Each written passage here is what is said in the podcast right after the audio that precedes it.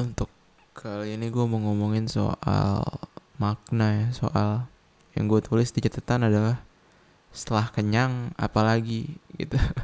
Sebuah pertanyaan jadi setelah kenyang tuh manusia mau ngapain lagi gitu. Itu sesuatu yang beberapa mungkin setahun mungkin dua tahun ke belakang ada di kepala gue gitu. Dan cukup sering muncul tema-tema itu soal makna soal soal ya kayak gini sih. Gue cukup beruntung dan gue rasa peradaban manusia sekarang cukup beruntung ketika isu soal kelaparan sepengetahuan gue sudah cukup terselesaikan. Um, bahkan yang jadi isu bukan lapar lagi tapi orang terlalu kenyang orang obesitas gitu.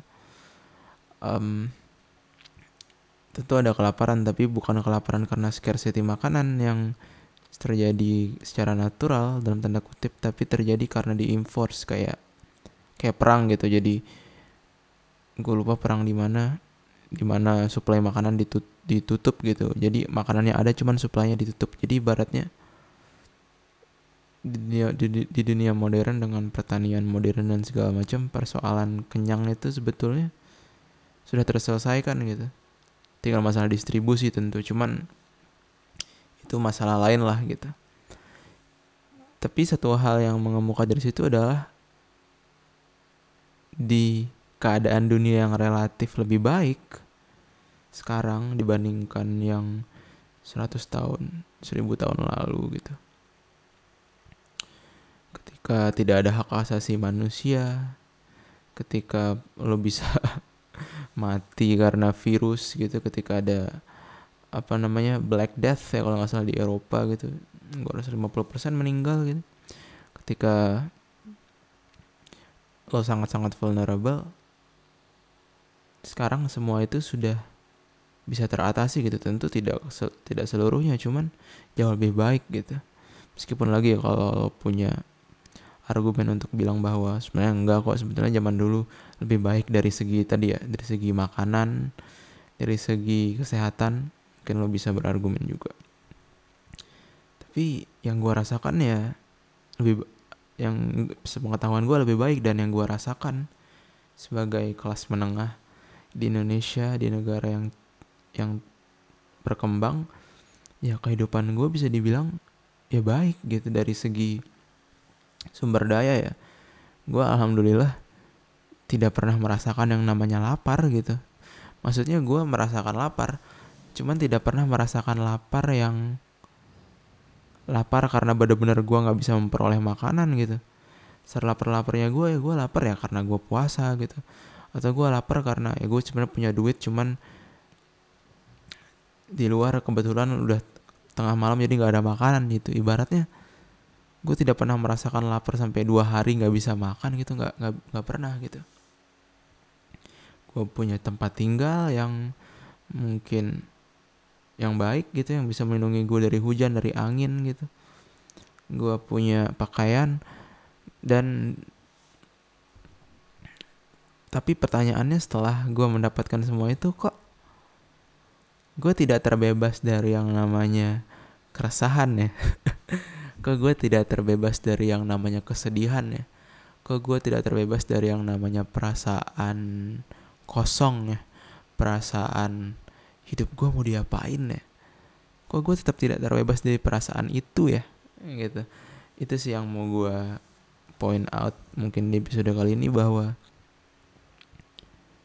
kenyang itu nggak menyelesaikan masalah hidup lo sepenuhnya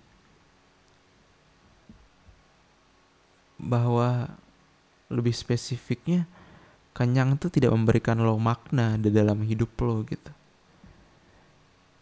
Dan gue rasa itu pengetahuan yang penting gitu. Karena um,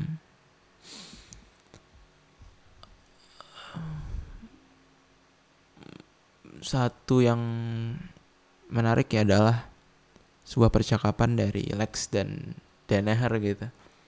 Lex Friedman podcaster yang gue suka denger podcastnya dan Daneher tuh kayak dia kayak PhD di filosofi tapi sekaligus bisa dibilang world class teacher di jujitsu jadi dua kombinasi yang agak aneh sih nggak aneh setelah gue tahu jujitsu itu apa cuman ketika awal pasti agak aneh kayak guru bela diri sekaligus filosofer meskipun setelah gue pelajarin gue tahu kayak kalau dua hal itu sangat terhubung dengan erat ya berfilosofi dan melakukan ilmu bela diri. Cuman gitu intinya mereka sampai dalam suatu part dalam percakapan mereka ketika mereka mempertanya ketika Lex bertanya sama Danaher pertanyaan klasik dari Lex Friedman what is the meaning of life? gitu. Apa sih makna hidup? Dan dan Danaher tuh menurutku jawabannya menarik. Dia bilang um, dulu tuh Homo sapiens manusia tuh udah mungkin seratus ribu atau sepuluh ribu tahun gitu. Gue lupa bentar gue mau cek dulu deh. Gue mau cek dulu berapa tahun manusia. Oke jadi manusia fosil tertua homo sapiens 300 ribu tahun yang lalu. Dan poin dari Denehar adalah dan homo sapiens tentu berasal dari um, spesies homo yang lainnya. Homo yang lainnya berdasarkan evolusi berasal dari genus apalagi apalagi apalagi sampai ditelusuri sampai mungkin bentuk-bentuk bakteria lah mamalia lah um, itu bahasan lain lah. Intinya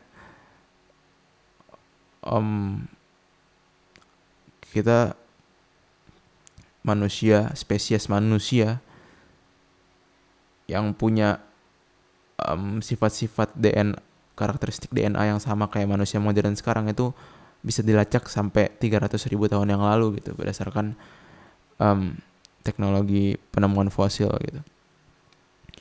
Dan poin Denehar adalah bahwa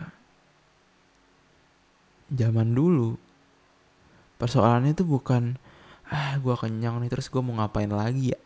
Dulu tuh persoalannya bukan itu, dulu tuh persoalannya anjing gak ada makanan nih. Gimana caranya nyari makanan ya.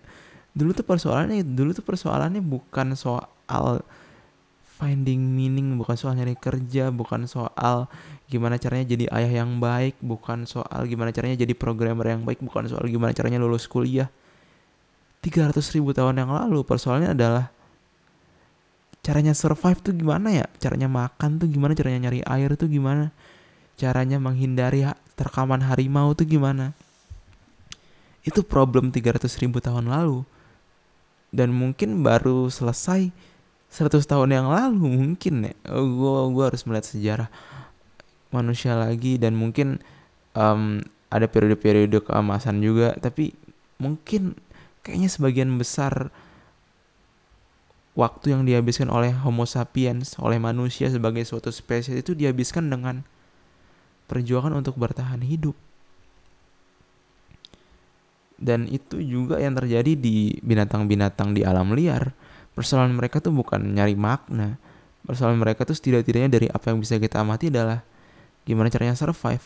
Untuk singa gimana caranya supaya bisa dapat gazel untuk dimakan dapat rusa untuk rusa gimana caranya supaya dapat rumput sekaligus lari dari ter terkaman singa. Persoalan mereka tuh sangat sangat sangat mendasar gitu. Gimana caranya bertahan hidup? Jauh sekali dari pertanyaan soal makna gitu. Dan poin dari DNR yang menurut gue kayak membuat gue memikirkan ulang memikirkan ulang soal hidup gue adalah ketika dia bilang bahwa persoalan bertahan hidup tuh lebih sulit daripada persoalan makna. Itu yang membuat gue kayak eh bu kebalik kebalik. Persoalan mencari makna jauh lebih sulit daripada bertahan hidup gitu. Ibaratnya nyari makna itu jauh lebih sulit daripada bertahan hidup. Dan itu yang bikin gue kayak mikir ulang kayak hmm, terdengar tidak intuitif tapi tapi menariknya kalau eksplorasi lagi lo kemudian mikir kayak mungkin iya mungkin iya mungkin mungkin iya karena lo lihat manusia sebagai satu-satunya spesies yang dalam tanda kutip bisa kenyang gitu. Secara ya kalau lo lihat singa alpha male-nya bisa kenyang. Tapi satu spesies ibaratnya dari 100 ribu populasi singa berapa persen sih yang yang bisa nggak peduli tentang makanan? Kayaknya nggak banyak. Nah manusia ya hampir sebagian besar spesies kita ya ya bisa tenang soal makanan gitu saat ini. Dan dan tapi banyak kematian karena bunuh diri. Kayak tapi cuman manusia yang gue rasa ada sih beberapa binatang yang bisa bunuh diri ya. Cuman kayaknya ya ini lagi-lagi asumsi gue dan sepertinya akan salah dan gue akan dengan senang hati kalau lo bisa patahkan. Tapi setahu gue ya hewan yang tingkat bunuh dirinya paling tinggi ya manusia manusia dan itu ngasih suatu insights menarik untuk dieksplorasi dari pernyataan Denehar tadi bahwa mungkin nyari makna tuh emang lebih sulit daripada nyari hidup sih. Sampai-sampai ketika orang gak menemukan makna mereka bunuh diri.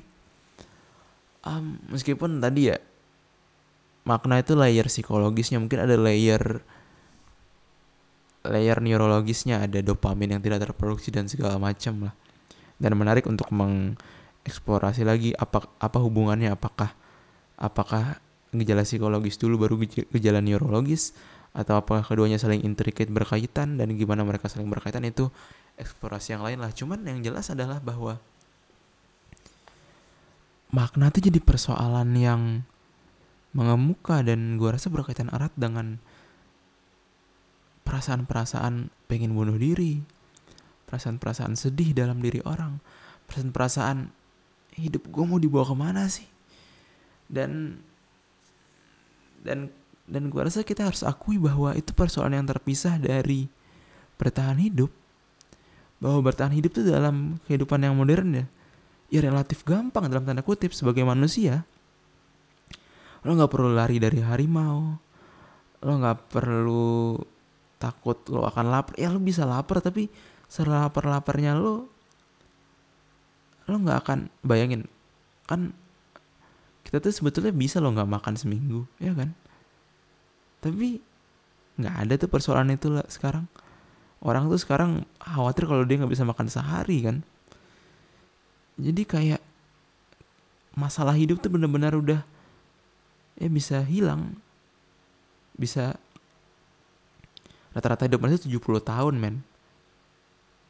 Bandingin sama hewan di alam liar gitu. Ibaratnya persoalan bertahan hidup tuh udah usai tapi ternyata ada sesuatu yang mesti dibayar dari situ. Dan yang mesti dibayar adalah pada waktu-waktu ketika lo hidup dan tidak perlu memikirkan bagaimana cara bertahan hidup. Tiba-tiba muncul suatu pertanyaan soal terus ngapain ya? Dan itu ternyata bukan pertanyaan yang mudah untuk dijawab. Dan itu bukan perasaan ketika perasaan kosong itu muncul ketika lo nggak bisa menjawabnya. Itu bukan suatu perasaan yang mudah untuk dilepaskan gitu. Atau lo bisa berakhir pada semacam pencarian yang gak jelas kayak gue nggak tau mau ngapain ya udah gue ngikutin apa yang ada di sekitar gue aja meskipun itu tidak membuat gue merasa merasa happy gitu. Jadi akhirnya lo berakhir pada suatu pencarian yang ikut-ikutan yang bersifat ikut-ikutan. Dan dari bersifat ikut-ikutan itu lo mendapat kenyamanan tapi dari kenyamanan itu lo cuma mendapatkan semacam rasa kosong di dalam hati lo terus menerus dan rasa kosong itu tidak bisa lo jawab dengan pekerjaan lo dengan kegiatan lo sehari-hari dan itu membuat lo depresif dan itu tantangan yang hadir ketika lo bisa bertahan hidup tapi lo tidak bisa menjawab pertanyaan soal hidup gue tuh sebetulnya apa sih? Dan dan dan dan dan dan itu sih yang yang menurut gue setidaknya harus kita akui gitu bahwa persoalan itu ada dan harus kita coba untuk jawab. Meskipun gue percaya jawabannya tidak akan pernah hadir 100% bahwa jawabannya tidak akan pernah lo capai tapi gue rasa lo mengaknowledge kekosongan itu dan mencoba untuk menjawabnya itu udah satu lompatan besar yang penting untuk bisa melepaskan diri dari dari apa ya dari cengkraman kekosongan yang menakutkan tadi soal soal ketidaktahuan lo untuk hidup dan istilahnya mesti diakui dan istilahnya mesti coba dijawab gitu. Jawabnya dengan apa ya? Gue punya jawaban sendiri secara pribadi cuman itu nanti lah intinya gue cuman mau ngomongin itu untuk kali ini. Oke. Oke. Itu aja lah. Dadah